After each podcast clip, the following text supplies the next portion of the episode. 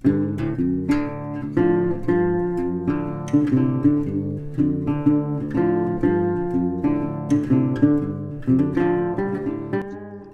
finansal özgürlükçüler. Bugün yanımda çok kısa sürede çok hızlı bir şekilde dost olduğumuz e, sevgili dostum Vidal var.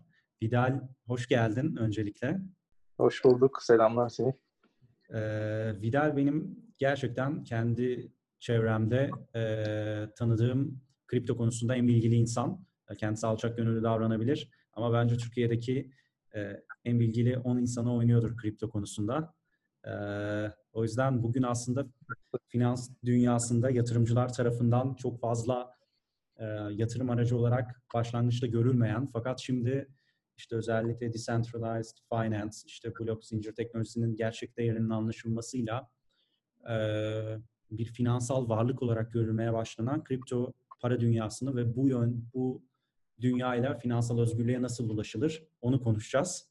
Biraz uzun bir cümle oldu ama başlarsak herhalde daha da açıklayıcı şekilde konuşabiliriz. De istersen bir kısaca kendini tanıt. Neler yaptın bu dünyada? Onun dışında ne yapıyorsun? Biraz seni tanıyalım abi. Tabii ki. Ben aslında doğma büyüme Türkiye'de İstanbul'da büyüdüm ve Koç Lisesi'nden mezun olduktan sonra daha çok fen ve matematik ağırlıklı okuyordum. Buradan da Duke Üniversitesi'ne gitmeye karar verdim 2014 yılında.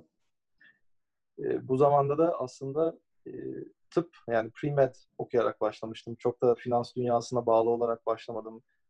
Ve ilerleyen zamanlarda da ilgi alanlarımın evrilmesiyle ve e, önüme çıkan fırsatlarla birlikte hem psikoloji ana dalı hem de bilgisayar yan dalı yaparak okulu bitirdim.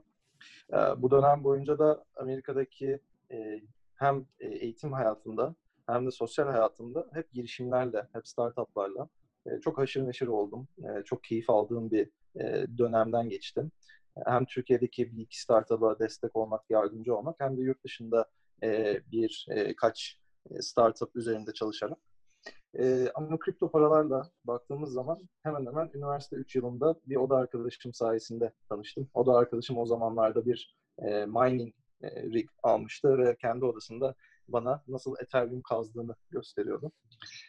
Ben de çoğu insan gibi aslında ilk başlarda hiç bu akıma, bu kripto varlıklara veya finansal varlıklara belki de hiç inanmayan, hiç realistik gelmeyen, o kadar sanal bir boyutta olduklarından dolayı gerçek e, gelmeyen bir bakış açısına sahiptim.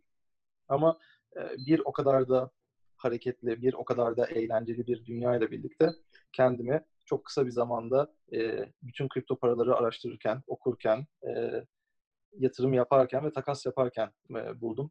ve böylelikle aslında 2016'nın sonu, 2017'nin başı gibi hayatımda şu ana kadar biriktirmiş olduğum paranın bir kısmıyla yatırım yaparak başladım buradaki maceramı çok kısa bir zamanda yaklaşık 6 aylık bir dönemde e, yaptığım yatırımları yaklaşık 10-12 katına kadar katladım. Bu dönem zaten bizim herkesin belki de bu dünyada ICO craze olarak bildiği döneme e, denk geldi.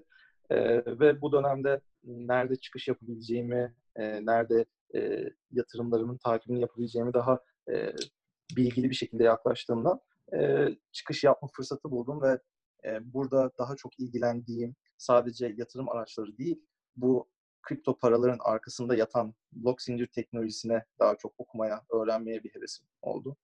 E, bu dönemde de e, Amerika'da Consensus diye bilinen e, Ethereum bazlı projeler yapan bir firmada e, bir eğitim aldım birkaç aylık ve devamında da Türkiye'ye geri dönerek kripto paralar alanında kendi girişimimi kurmaya karar verdim.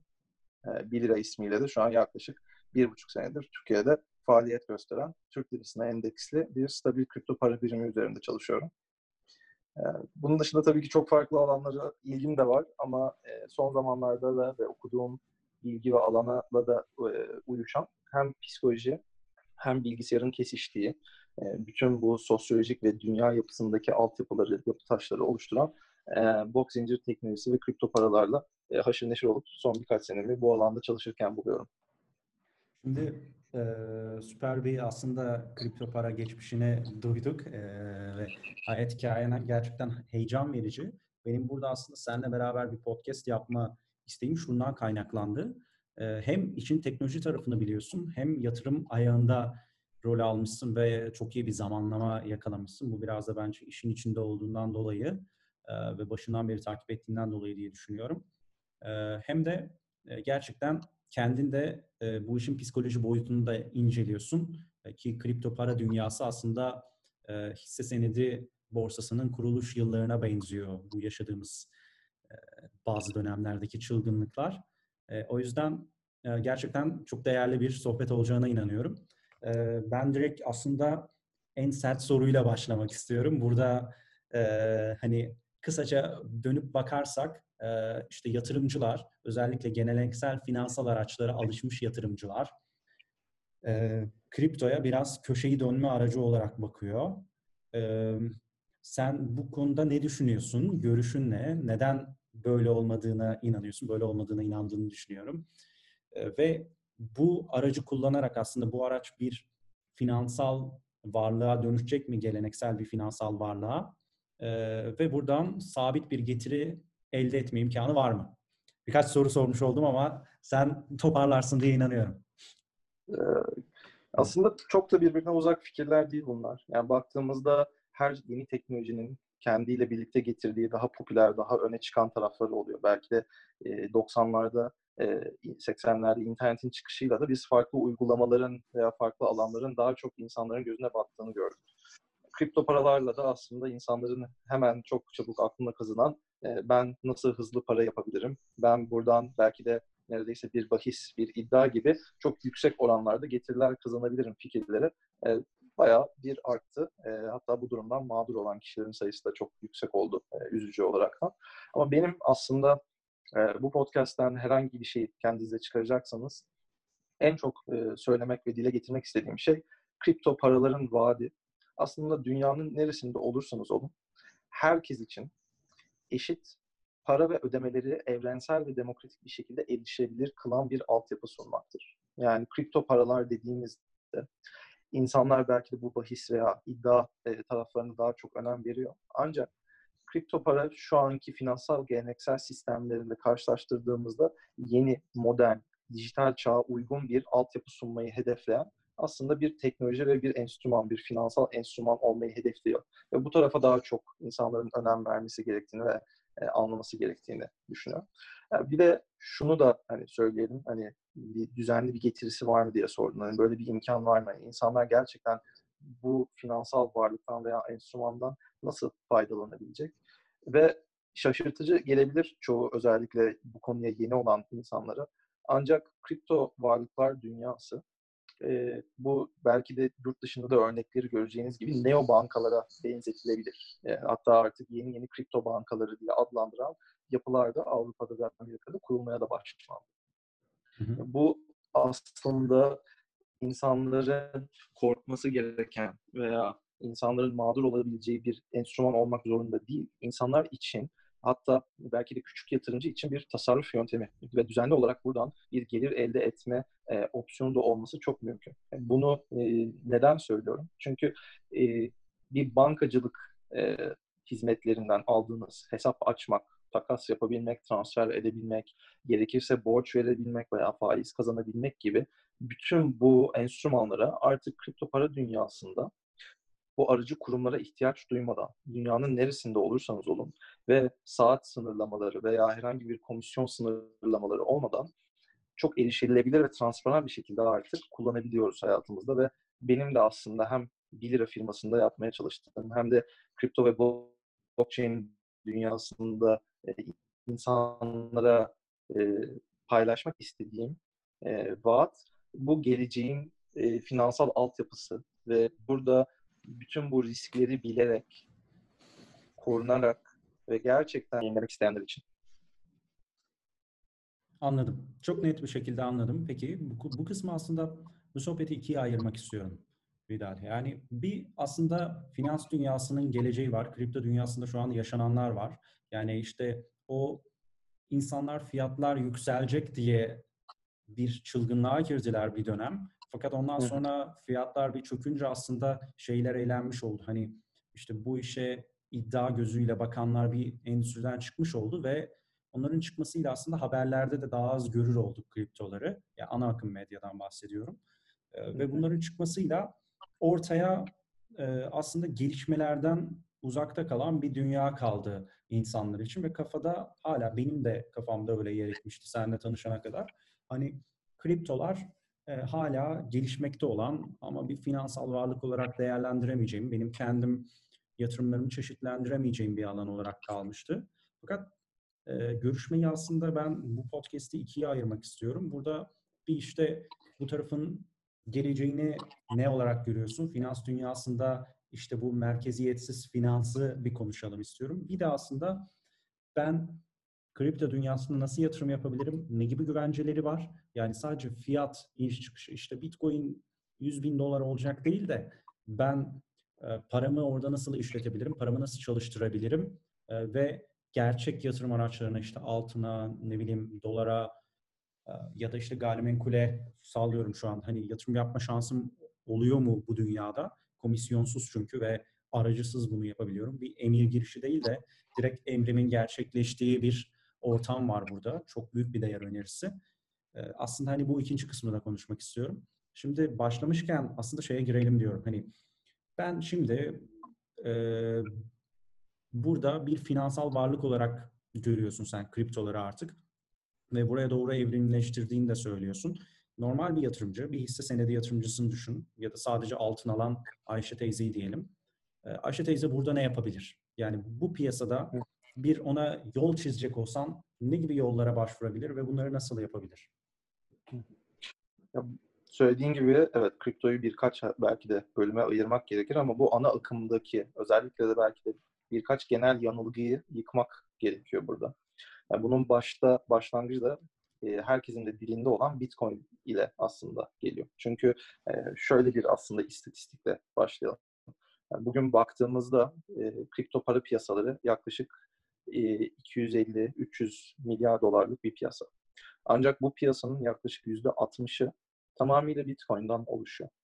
Ve o yüzden belki de hem sırf bu istatistik olmasa da hani bu sebebiyetten başlayarak bir Bitcoin'in ne vaat ettiğini ve insanlara işte Ayşe teyzenin veya e, altın alan kişinin veya farklı hisse senetlerine yatıran yapan kişilerin nasıl burada kendilerine bir koruma altına alabileceklerini e, konuşmak lazım.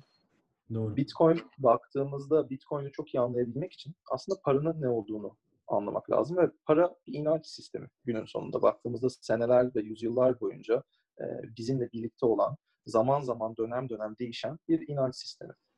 Ve e, ülkelerin kendi merkez bankaları veya kendi uygulamalarıyla birlikte bastıkları para birimlerinin arkasında yatan bir teminat veya arkasında yatan bir değerin ne olduğunu, neye göre bir ülkede para basıldığını veya neye göre enflasyondan etkilendiğini daha iyi anlamak e, ve bunun e, sadece birkaç hafta, birkaç aya değil, birkaç sene üzerinde hani nasıl bir etkisi olabileceğini ekonomiye çok iyi anlamak gerekiyor. Yani günümüzdeki geleneksel finansal altyapılar ve özellikle bu Amerika'da da görebileceğimiz üzere bu son zamanlarda Covid ile birlikte de çok fazla e, merkez bankaları tarafından para basmaya verilen talimatların ekonomiye etkisini e, şöyle görebiliyoruz. Alıcılar ve satıcıların olduğu bir dünyada, arz ve talep dünyasında talebin artmadığı arzın sabit kaldığı ama talebin e, değişken olduğu bir dünyada insanların ellerindeki isterlerse dolar olsun, isterlerse Türk lirası olsun bu paranın bir değer kaybı yaşadığını görebiliyorlar. Belki de birkaç sene önce marketten aldığımız ürünlere şu an aynı fiyatlarda erişemiyoruz ve bu Türk halkını çok etkileyen bir şey. Ancak Bitcoin'un zaten vaat ettiği şey enflasyondan etkilenen bir finansal araç olmak yerine deflasyondan etkilenen bir araç olmayı hedefliyor ve bunu da şu e, maddeyle yapıyor. Dünyada 2009'da Bitcoin çıktığından beri sadece 21 milyon adet Bitcoin var. Ve aslında ekonominin temel prensiplerinde de gördüğümüz şey şudur.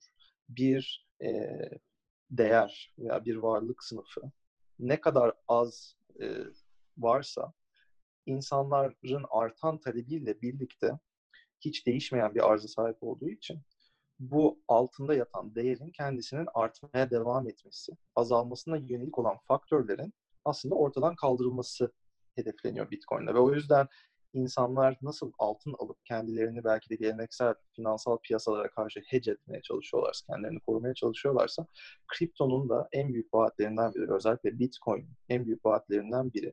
Hiçbir zaman arzı değişmeyecek ama artan taleple de yükselen bir fiyata sahip olabilecek ve o değeri, o finansal değeri koruyabilecek bir enstrüman, bir araç sunuyor. O yüzden de bu bulunduğumuz geleneksel dünyada ve özellikle herkesin son 6-9 ayda dijitalleşmeye yönelik büyük bir akımı gözlemlediğimiz dünyada insanların en azından kendi portföylerinde olan finansal değerin yaklaşık yüzde biri, yüzde üçü kadar Bitcoin gibi değer kaybetmeyen veya enflasyonla etkilenmeyen kripto paralara yatırım yapmalarını aslında daha uygun ve daha önemli buluyorum. Bunun dışında ise tabii ki buradan çok söylediğin gibi de bir ayrışan bir dünya var. Yani burada belki dilerseniz merkeziyetsiz finans diye adlandırabilirsiniz. E, belki çoğu kişinin aklına e, ve ağzına dolanan bu altcoin'ler diye bir terim de var. Yani Bitcoin olmayan her kripto paraya altcoin e, deniyor Türkiye'de. Ve hani onların tabii ki amaçları ve sunduğu olanaklar tamamıyla Bitcoin'in kendisinden ayrışıyor. Bu da piyasa değeri, değeriyle de kesinlikle desteklendiğini görüyoruz. Ee, Dediklerini çok iyi anladım. Birkaç bölüme ayırmak istiyorum ben aslında konuşmayı yine burada. Ee, şimdi para aslında bir inanç sistemi dedin. İnsanlar arasındaki inanç sistemi ve işte para dendi mi de ilk akla gelen dolar. Çünkü dünyadaki ticaretin %80'i dolarla yapılıyor. E, fakat bir zamanlar doların arkasında işte Amerika altın tutuyorum diyordu diğer ülkelere özellikle 2. Dünya Savaşı'ndan sonra. Fakat işte Bretton Woods'la bu da yıkıldı ve aslında ben şu an diyorum ki doların arkasındaki şey bir Amerikan rüyası. Amerikan rüyasına olan inanç e, Çok doğru. duruyor. E, şimdi Bitcoin buna dair diyorsun ki blok anladığım kadarıyla blok zincir sistemini güvence olarak sunuyor. Yani işte Amerika kendi hükümetini buna dair öne sunuyor. Peki Bitcoin ve diğer altcoin'lerin aslında insanların onlara inanması için arkasında ne sunuyor diye sorayım sana. Şimdi Bitcoin'e baktığımız zaman aslında e, şunu bilmek gerekiyor. Yani bunun arkasında herhangi bir e, ülke para birimi veya farklı bir finansal enstrüman veya varlık yatmıyor. Yani Bitcoin tamamıyla yine belki de paranın ilk günlerinden gelen bir inanç sistemiyle paralel, paralel olarak insanların onun ne kadar değer verdiğiyle yükselip alçalan bir varlık. Ama e, tekrardan dile getirdiğim gibi yani ilk siz eğer 2010'larda 2011'lerde ilk Bitcoin satın alan kişilerden biri olsaydınız arz talep dengesinden dolayı yaklaşık 80 dolara bir Bitcoin satın alabiliyordunuz. Ee, ve ilerleyen zamanlarla birlikte de Bitcoin'in insanlara aslında gösterdiği şeyler ikiye ayrılabilir. Bir, gerçekten arz sabit olduğu için talebin de artmasından dolayı e, bu gerçekten enflasyona karşı korunan ve insanların ilgisiyle birlikte değer kazancı yakalamaya devam eden bir finansal varlık. İki, Bitcoin'in aslında en çok hepimize gösterdiği şeylerden biri ve zaten ana e, Satoshi Nakamoto e, adı verilen kişi tarafından ortaya çıkarılma sebebi de hepimiz için dijital ve kendimize ait bir e, para birimi çıkarabilmek. Yani bunu da şöyle özetleyebiliriz. Bugün aslında nakit para dışında hiçbir paranın kontrolü kişinin elinde değil. Yani sizin aslında cüzdanınızda tuttuğunuz veya evinizde tuttuğunuz nakit para dışındaki tüm değerlerinizi ya bir banka ya bir aracı kurum ya da farklı bir finansal kuruluş tarafından saklanmakta. Onlar tarafından işlenmekte ve e, çoğu zaman da sizin dijital ortamlarda yapmak istediğiniz tüm işlemler onlar tarafından tekrar takip edilmekte, gerekirse düzenlenmekte ve gerektiği yerlerde de komisyon alınmakta. Bitcoin ilk defa bunu değiştiren bir teknolojiyi ve bir projeyi aslında ortaya attı ve benim dünyanın neresinde olursa olsun bir kişiyle farklı üçüncü bir kişi veya kuruma ihtiyaç duymadan bir değer veya bir finansal para değişimi e, yapabilmeme olanak sağladı. Ve bu yüzden zaten Bitcoin'in arkasında yatan akım ve bu motivasyon, bu vizyon onu 10 senedir yıkılmaz ve bu seneler geçtikçe de aslında e, artan ilgi ve yıkılmayan bir teknolojiyle finansal bir değer olarak artmaya devam ediyor baktığımızda. Anladım. Şimdi bir diğer konu aslında sen dedin ki enflasyondan koruyan bir araç olarak Bitcoin kullanılabilir. Çünkü arzı bitti zannediyorsan bir daha asla Bitcoin basılmayacak bir, diye düşünüyorum. Bir, bitmedi daha ama bitmek üzere. Özellikle Hı hı. Bitcoin dünyasında bu halving denilen diye adlandırılan her 4 senede bir oluşan e, dönemler var ki bu da şöyle açıklanabilir. Yani siz bir aracı kuruma veya bir üçüncü partiye güvenmediğiniz için yani o işlemin gerçekleştirilebilmesi, doğrulanabilmesi, düzenlenebilmesi için birinin çalışıyor olması lazım ve bu Bitcoin'in durumunda örneğinde baktığımızda bir bilgisayar aslında yani bir yazılım e, bunun takibini ve bunun onaylanmasını yapıyor. E, burada da bu yazılımcıları veya bu çalışan bilgisayarlara miner deniyor ve bu işlemleri doğrulamaları adına onlara Bitcoin ödülleri veriliyor. Yani bu ödüller de her 4 senede bir azaltırılarak aslında Bitcoin'in değerinin arttığını ve buradaki değer toplanan değerin e, korunmasına yönelik bir e, genelge aslında baktığımızda belki finansal bir e, karar verilmiş, yönetimsel bir e, kural.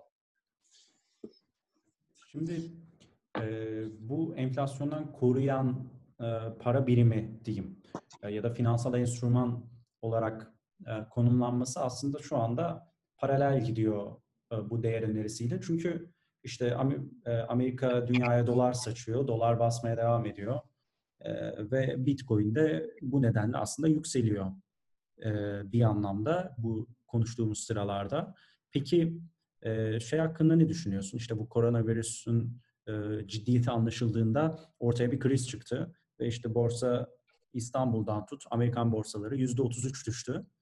E, fakat Bitcoin de bundan nasibini aldı ve bir düşüş yaşadı. E, hani bunun nedeni e, diğer araçlarda olduğu gibi işte fonlardan kaçışın, işte altında bile düşüş yaşandı. Hani e, aslında nakite dönme isteğiydi insanların. Cash is the king, işte nakit kraldır anlayışı evet. ortaya çıktı. E, hani burada aslında bu değer önerisini yitirdi mi yoksa başka bir nokta mı var burada kritik? Ne düşünüyorsun? Ona dair. Aslında çok güzel bir noktaya değindin Senin. Çünkü dediğim gibi yani kripto e, aynı ekonomi, aynı finans dünyası gibi çok büyük, çok geniş ve çok farklı uygulamalara sahip bir e, market ve alan. E, aynı Bitcoin'in olduğu bir dünyada e, kripto paralar arasında aslında e, nakite benzer ürünler de mevcut. Yani bu nedir? E, dolar para birimine endeksli bir kripto para birimi. Yani bir doların her zaman karşılığına eşit olan bir para birimi. Biz bu tip araçlara, finansal enstrümanlara aslında stabil kripto para birimleri diyoruz. E, 1 lira olarak Türkiye'de de yapmayı hedeflediğimiz şey de aslında Türk lirasına endeksli bir stabil kripto para birimi sunabilmek. Buna neden? Yani bunun aslında en büyük sebeplerinden biri biz bugün e, hepimiz artık e, mobil olsun, e, bilgisayarlarımızda olsun dijital bir dünyada yaşıyoruz ve bütün datalarımız, bütün bilgilerimizin e, bu dijital dünyada işlenebilir, okunabilir, kullanılabilir olmasını istiyoruz.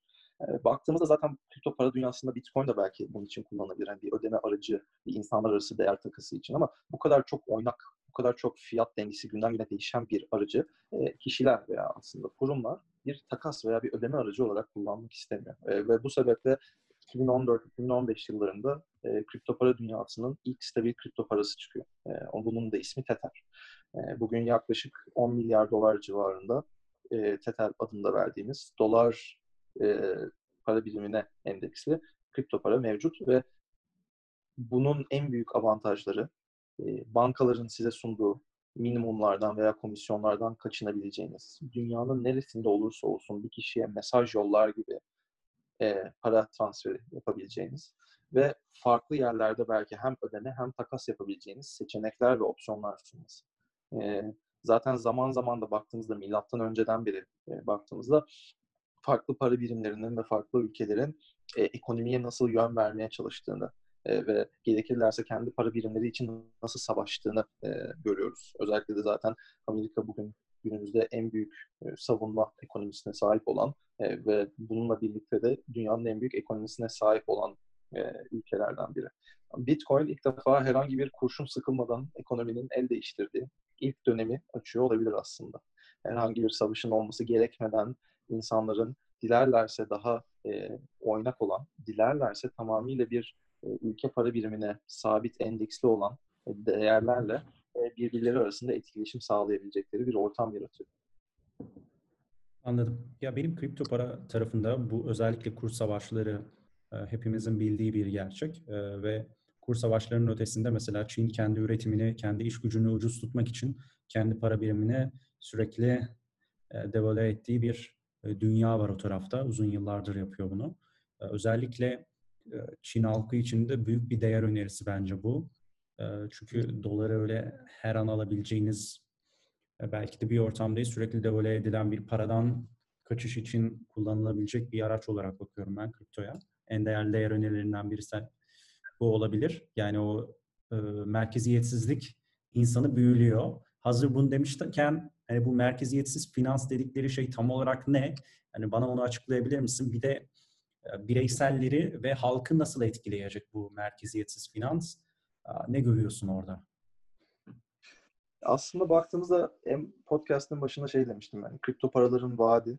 Dünyanın neresinde olursanız olun hani herkes için bir para ve ödeme e, sistemi sunabilmek. Hem evrensel hem demokratik. Merkeziyetsiz finans ise veya bazı kişiler buna açık finans da diyor e, akım sözü olarak.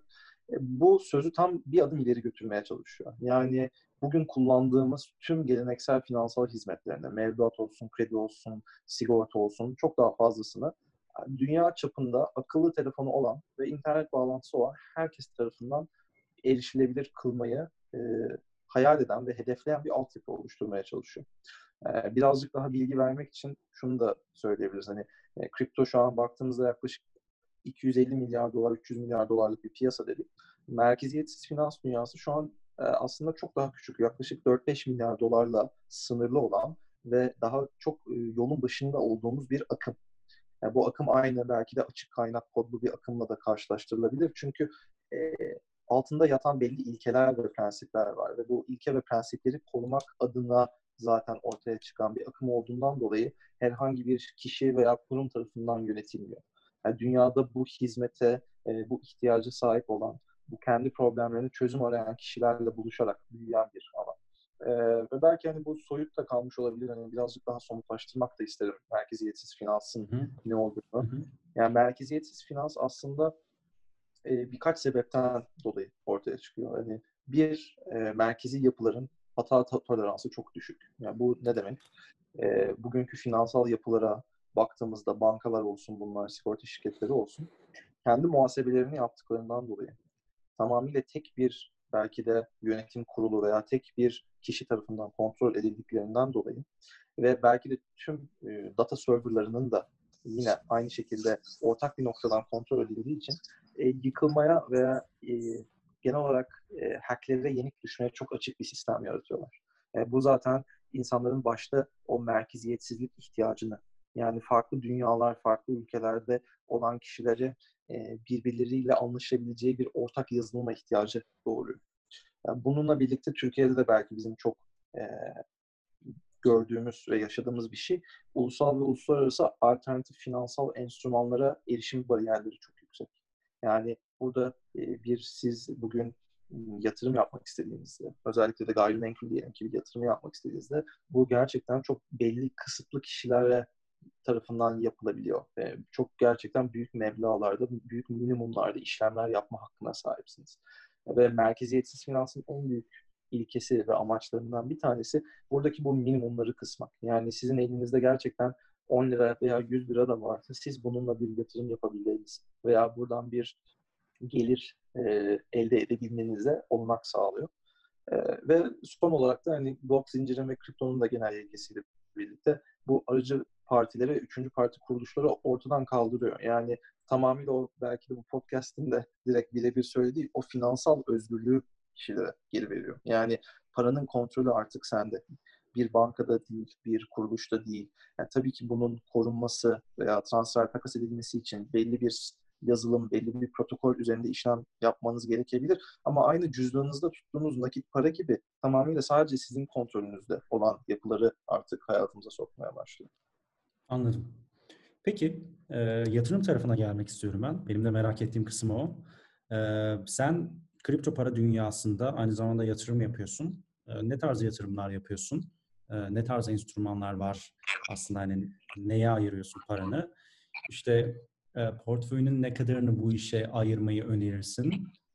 E, ideali nedir diye sorayım sana. E, bu gerçekten çok fazla e, kişiye özgü bir konu. E, özellikle Hı-hı. yatırımda ne kadar risk almak istediğinle e, doğru orantılı. Yani şunu başlayarak söyleyeyim. E, sadece e, kayıp edebilmeyi göze aldığınız miktarlarda başlayarak bunu kendinize bir serüven, bir e, öğrenme ortamı olarak görerek başlamanızı kesinlikle öneriyorum. Çünkü çok yeni bir teknoloji. Yani hep belki bu konuya geri dönüyorum ama internetin daha ilk günlerindeyiz. Yani daha belki de 2000'lerde o dot-com bubble'dan hemen sonraki zamanlardayız ve e, çok daha yeni ve gelişen bir teknoloji olduğu için e, burada açıklar hala var ve hatalar olmaya da devam edecek. Zaten teknoloji ve inovasyonun ilerlemesi için bu deneme yanılmaların olması, olması devam etmesi çok önemli e, bir unsur. Ama ben kendim kişisel olarak açıkçası kendi portföyümün çok büyük bir kısmını, yani neredeyse hepsini kriptoda tutuyorum. E, bu bazı insanlar için hatta çoğu insanlar için bir çılgınlık olarak gelebilir ama dediğim üzere hani benim aslında yaptığım yatırımların hepsi kripto dünyasında Bitcoin gibi oynak olan e, finansal enstrümanlara değil, belki de dolar, euro, TL'ye endeksli stabil kripto paralar üzerinden de işlemler yapıyorum ve burada aslında bu kendi seçimim olarak merkezi yapılar üzerinde herhangi bir finansmanını tutmamayı seçerek bu merkeziyetsiz gelecekte olacak olan bir vizyona inanaraktan hareket ediyorum. Yani burada halka açık bir şekilde paylaşabileceğim şeyler şu, e, yani herkesin kendi yani bu işin e, eğer edebi adabını öğrenmek isteyenler için e, yine paranın bir inanç sistemi olduğuna geri dönmek lazım ve sizin kendi düşüncenizde, kendi görüşünüzde şu anki var olan finansal sistemlere ne kadar güvendiğinizi bir sorgulamanızı istiyorum. Yani mesela e, şeyden de bahsettin senin. Direkt bu Covid döneminde herkes e, kendi paralarını farklı finansal araçlardan çıkararak nakite dönmeyi seçtiler. Çünkü bu cash is king mantığı veya e, herhangi bir riskli durumda, herhangi tehlikeli bir durumda benim kendim ulaşabileceğim, kendim kontrol edebileceğim bir finansal enstrümana ihtiyacım var. Ve burada aslında o kişilerin e, bankalara ve geleneksel finansal kuruluşlara olan güveni de tekrar bir e, sorgulamak, altını çizmek isterim. Yani büyük bir çoğunluk olarak, ana akım olarak eğer biz bunları yapmaya yöneliyorsak zaten kripto paraların arkasında yatan teknolojiye ve kripto paraların vaadine de çoğu insanın inandığını ve bu inancın da bir adaptasyon olarak ilerleyeceğini çok inanıyorum ve gözlemliyorum geçtiğimiz son 4-5 senede. Ben de özellikle yaptığım yatırımlarda dolar endeksli e, stabil kripto paralar üzerinden mesela e, faiz getirileri yapabileceğim ve buradaki faiz getirilerini kazanmak için e, herhangi bir minimum koymam gerekmediği veya herhangi bir zaman dilimiyle kısıtlı olmadığım e, gerçekten saniyelik saniyelik olarak e, faiz gelirlerimin takibini yapabildiğim ve çekip kullanabildiğim bir sistemin bir parçasıyım. E, e, buradaki sistemin bir parçası olmaktan da çok büyük mutluluk duyuyorum açıkçası bütün bu gelişimi görmekten. Hemen burada araya gireyim. Ee, öncelikle ne kadar e, dolar bazında ne kadar faiz kazanıyorsun? Ee, herhalde gün gün hatta saniye saniye yatıyor faizin. Bir de arkasındaki güven ne aslında buna? Yani e, bu faiz nereden geliyor? Kimden ödeme alıyorsun ve güvenceyi kim sağlıyor? Çok güzel bir konuya değindin ve burada belki de örnek olarak alabileceğimiz e, kripto para piyasalarıyla aşina olanlar için Compound diye bir protokol var. Ve burada güvendiğimiz şey de aslında bir protokol. Yani akıllı kontratlar diye adlandırdığımız tamamıyla bir yazılıma insanlar bu paralarını emanet ediyor. Buradaki kazanç da şuradan oluşuyor. Yani kripto paralar aslında dediğim gibi geleneksel finansal piyasanın dijital bir altyapısını oluşturmaya çalışan bir proje. Ve e, burada da aynı e, ilkelerle, aynı kurallarla finansal piyasalar ilerliyor. Yani burada faiz kazanmak isteyip kendi paralarını yatıran, depozito eden belli bir kesim var.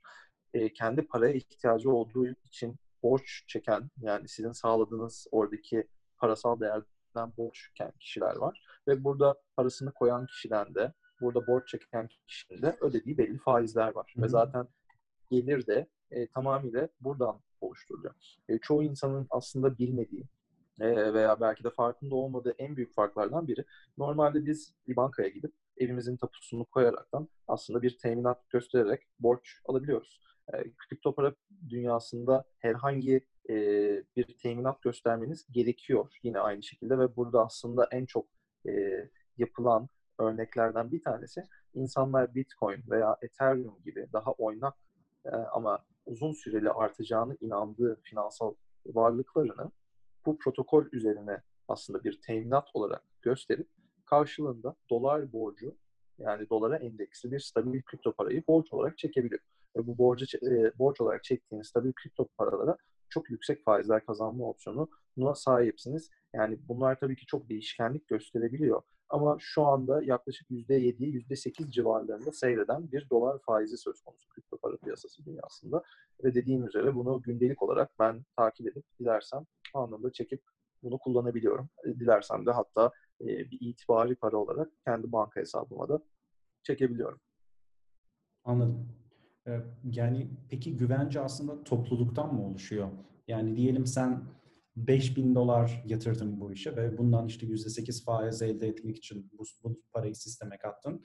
Senin paran yani bu işin teknolojisini soruyorum aslında. 5 kişiye biner dolar şeklinde mi dağıtılıyor yoksa orada borçlanan binlerce kişiye yayılıp aslında seni sistem koruyor mu? Nasıl bir yazılım var orada? Hani hı hı. paranın riski ne yatırmanın? Yani adamın ödeyememesi durumunda ne oluyor? Ee, çok güzel bir e, konuya denk e, geldi. Şimdi burada aslında en e, hoşuma giden konulardan biri kripto para dünyasında şu. E, bankalarda olan kredi default riski çok yüksek. Yani insanlar zaten bu sebepten dolayı bir bankadan borç alamadan önce çok farklı farklı risk analizlerinden geçiyor. O uyum departmanı tarafından bu kişinin ne kadar borç verilebileceğine karar veriliyor ve e, buna uyum sağlayıp sağlayamadığı e, çok takip edilemiyor. E, o kişinin birazcık da inisiyatifine kalıyor. E, kripto dünyasında ise bu protokoller baştan kendilerini nasıl koruyacağını, yani buraya faiz kazanmak için para yatıran kişileri nasıl koruyacağını önden karar veriyor. Bunu da şöyle yapıyor. Diyelim ki siz 100 lira değerinde Ethereum'unuz var. Ve siz bu 100 lira değerindeki Ethereum'u teminat olarak bu protokole koyuyorsunuz. Bu protokol hem e, bu parayı yatıran kişileri korumak adına hem de kurduğu mekanizma e, açısından size sadece bu koyduğunuz teminatın belli bir yüzdesinde borç çekebilme imkanı sağlıyor. Yani siz diyelim ki 100 TL değerinde Ethereum koyduysanız bu protokole 70 TL değerinde e, stabil kripto para buradan çekebiliyorsunuz. Şimdi buradaki kontrol de şöyle sağlanıyor. Liquidation price dediğimiz yani likidite yani sizin aldığınız borcu geri ödemeniz gereken belli bir e, pencere oluşuyor. Yani bu pencerede şöyle e, ölçülüyor. Eğer Ethereum'unuzun değeri çıkardığınız yani aldığınız borcun değerine düşerse bu sefer e, protokol otomatik olarak sizin borcunuzu koyduğunuz teminattan ödüyor. Aynı şekilde eğer Ethereum'un fiyatı diyelim ki 100 lira Ethereum koydunuz 200 liraya çıktıysa bu sefer 70 liradan 140 liraya kadar çıkabiliyor. Yani burada algoritmik olarak tamamıyla otomatik bir şekilde hiçbir işte kişi veya kuruma gerek kalmadan güvenli bir şekilde siz aslında hem insanlara borç verebiliyor hem insanlardan borç alabiliyorsunuz. Tamamıyla merkeziyetsiz ve kişiden kişiye bir, e, bir şekilde. Peki e, benim koyduğum teminatı herhalde bağlıyor sistem. Yani ben işte Ethereum'u koyduğum wallet'taki parayı teminat olarak gösteriyorsam e, borcu çektikten sonra o parayı da çekemez miyim? Yani hani orada nasıl bir sistem var?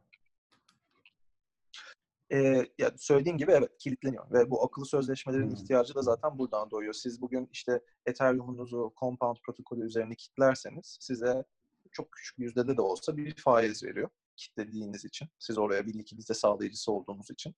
Bu likidite sağlayıcısı olduğunuz için de ayrıca borç da çekebiliyorsunuz ve şunu da aslında altını çizmek çok önemli. Yani bugün e, Türkiye'de veya yurt dışında da aynı şey geçerli.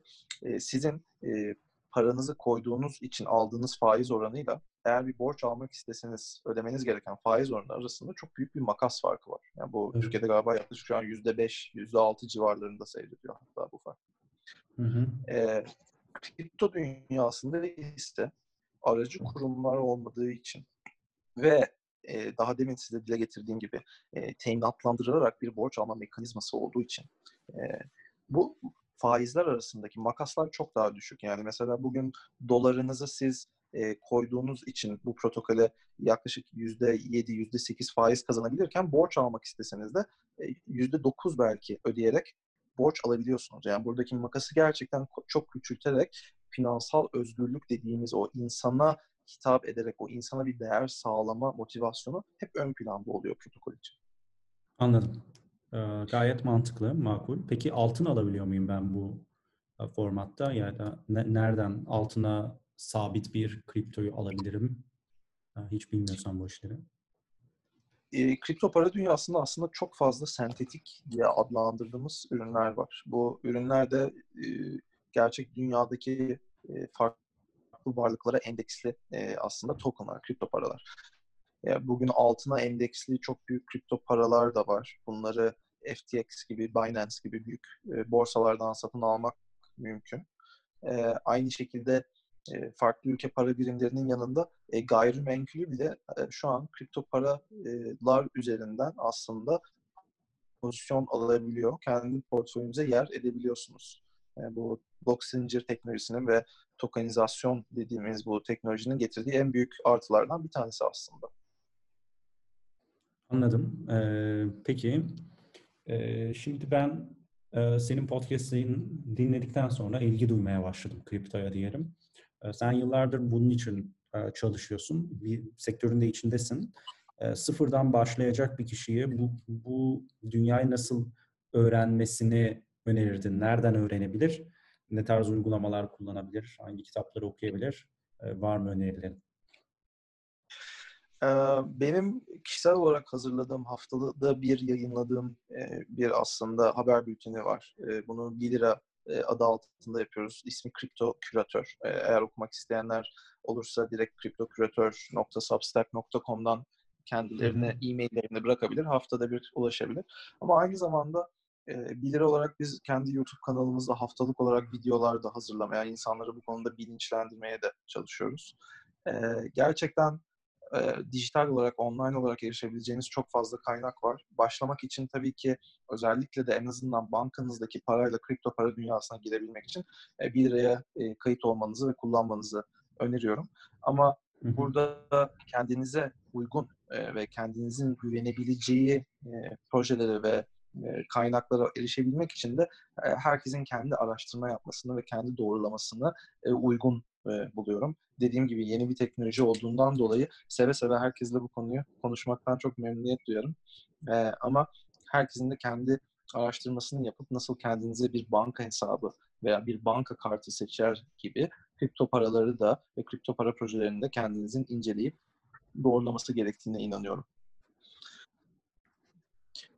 Tamam, peki. Ee, o zaman ben kriptoyu kendi işte finansal özgürlük yolculuğumda konumlandırmada özellikle altına işte sabit e, ya da dolara sabit e, şeylerde e, araçları almada, liraya sabit e, coinleri almada ve işte dolar bazlı faiz kazanmada kullanmayı düşünüyorum. Bence finansal özgürlüğe ulaşmak isteyen birisi de hem yeni bir finansal aracın doğu, doğuşunu izlemek için bu tarafı öğrenebilir. Hem de riskini çeşitlendirme anlamında bence kullanabilir. E, peki sen bu dünyanın nereye evrileceğini düşünüyorsun? Yani büyüme ne tarafı olacak? Tamam herkes işte coinlerin farkında oldu. Şimdi bir merkeziyetsiz finans gündemde işte bir yandan galiba hisseye endeksli e, coinler de çıkıyor, enstrümanlar da çıkıyor. Senin ilgini çeken ne taraf ve neresi sence popülerleşecek? Böyle teknolojisini çok beğendiğin coin var mı? Onu da sorayım bir yandan. Yani ne düşünüyorsun? Buradaki fırsat ne tarafta şimdi? Yani buradaki fırsat özellikle de bu son birkaç ayda merkeziyetsiz finans dünyasına bağlı e, tokenlarda görüyoruz. Yani bu ne tip avantajlar sunuyor? Hani onları birazcık daha iyi anlamak lazım. E, mesela örnek olarak e, verebileceğim ve bu son zamanlarda çok popüler olan I Earn Finance diye e, bir yapı var. E, bu projenin amacı da aslında bu finansal yapılara ve bu kripto paralara daha yeni olan kişiler için en iyi faiz oranları peşinden kovalayan bir protokol. Yani bu nedir? Nasıl siz kendiniz normalde banka banka açıp faiz oranlarını inceleyip ona göre kendiniz paranızı kilitliyorsanız oraya depozito ediyorsanız sizin adınıza bunu yapan bir e, protokol bir algoritma düşünün. Yani farklı bir protokolde, farklı bir projede daha yüksek bir faiz getirisi varsa sizin adınıza paranızı bir protokolden bir protokole taşıyan yatırım araçları da mevcut. Tabii ki bunlar biraz daha kripto para dünyasında aşina olan ve bu konuda deneyimi olan kişilerin kullanmasını önerdiğim bir şey. Öncelikli olarak burada ben bu sektörün tamamıyla şu an gerçek finansal e, yapılarda olan enstrümanların yavaş yavaş kripto dünyasında örneklerinin çıkarak e, ilerleyeceğini düşünüyorum. Yani bu belki de özellikle de yakın zamanlarda göreceğimiz altın satın olmak olabilir. FX dünyasında yapılan işlemlerin kripto üzerinde yapılıyor olması olabilir. Gündelik yurt dışına yaptığımız belki de para transferlerinin kripto paralar üzerinden yapılması olabilir. Çünkü e, ciddi rakamlardan bahsediyoruz. Hani bugün Swift aslında bir mesajlaşma sistemi ama siz 100 dolar gibi veya 500 dolar gibi bir parayı yani yurt dışına çıkarmak istediğinizde veya yurt dışından Türkiye'ye yollamak istediğinizde çok ciddi rakamlarda komisyonlar ödemeniz gerekiyor. Ee, ve biz bunu kripto parayla e, en azından arkasında yatan teknolojiyle çok e, cüzi rakamlara indirebiliyoruz ve insanların gerçekten o finansal özgürlüğünü tekrar kavuşabilmesine olanak sağlıyoruz. Yani bu örneği şuradan genelde veriyorum. Çok e, hoşuma giden e, bir Twitter e, tweet görmüştüm e, Umur Başar'dan ve kendisi e, geçtiğimiz aylarda New York'ta yaşıyor ve annesine güzel bir anneler günü hediyesi almak istiyor. Ancak Türkiye'deki banka hesabında e, herhangi bir parası olduğunu, e, parası olmadığını fark ediyor. Yani bu sebepten de ne yapabilirim diyor. Anneler günü geldi bugün. Hani anneme bir çiçek yollamak istiyorum. Ancak bankamda para olmadığı için şöyle bir çözüm buluyor. Eğer Swift'le yollamak istese bir iki gün sürecek. Yaklaşık 25-30 dolar civarında bir e, ücret ödemesi gerekecek. Ancak e, bu bahsettiğim mesela dolara endeksli bir stabil kripto parayı sadece bir havale yaparaktan aslında alıyor. Bu dolar stabil kripto parasını e, ya merkezi ya merkeziyetsiz borsalar üzerinden saniyede Türk lirasına endeksli olan 1 liraya çevirebiliyor. Ve aynı şekilde bunu kendi bankasına ataraktan e, çiçek sepeti üzerinden annesine aynı gün içinde yaklaşık sadece 2-3 dolar e, bir ücret ödeyerekten yapabilme şansına sahip oluyor. Yani bu aslında beni çok heyecanlandıran ve ileriye yönelik insanların daha çok kullanacağını düşündüğüm alanlardan biri. Çünkü özellikle o küçük yatırımcı dediğim hani e, finans dünyasında genelde ne kadar çok paranız varsa o kadar çok pozisyon alabilirsiniz, o kadar çok para yapabilirsiniz gibi bir e, genel bir yanılgı var. Ve kripto paralar ve blockchain teknolojisi aslında e, yıktı, ilk günden e, çabucak yıktığı alanlardan ve konulardan biri de bu. E, siz ne kadar küçük meblağlarda işlem yapmak isterseniz isteyin. E, bugün 100 lirayı da, e, 100 milyon lirayı da kripto paralar üzerinden e, aynı paraya, aynı ücrete transfer edebiliyor veya takas edebiliyorsunuz. Anladım. Gayet makul abi. Yani e, heyecanlı bir heyecanlı bir hikayeymiş. Heyecanlı bir dünya bence bekliyor. Yani özellikle ben de Swift mağdurlarındanım. E, çok yüksek komisyonlar kesinlikle. E, ve buna dair bir çözüm bulmuşuz insanlık olarak. E, neden buna bir geçiş sağlanmasın diye düşünüyorum. E, peki e, kripto ile alakalı o zaman istersen e, güzel bir sözle kapatalım podcast'imizi. Trust but verify derler kripto dünyasında. Yani evet güvenin ama kendinizi de doğrulayın. E, finansal özgürlük dünyasında e, finansal özgürlük dünyasında yapabileceğiniz en önemli adımlardan biri kendinize güvenebileceğiniz, kendiniz kontrol edebileceğiniz bir yapı sunmak. E, hepinizin bu özgürlüğe, bu demokrasiye ulaşabilmesini umut ediyorum.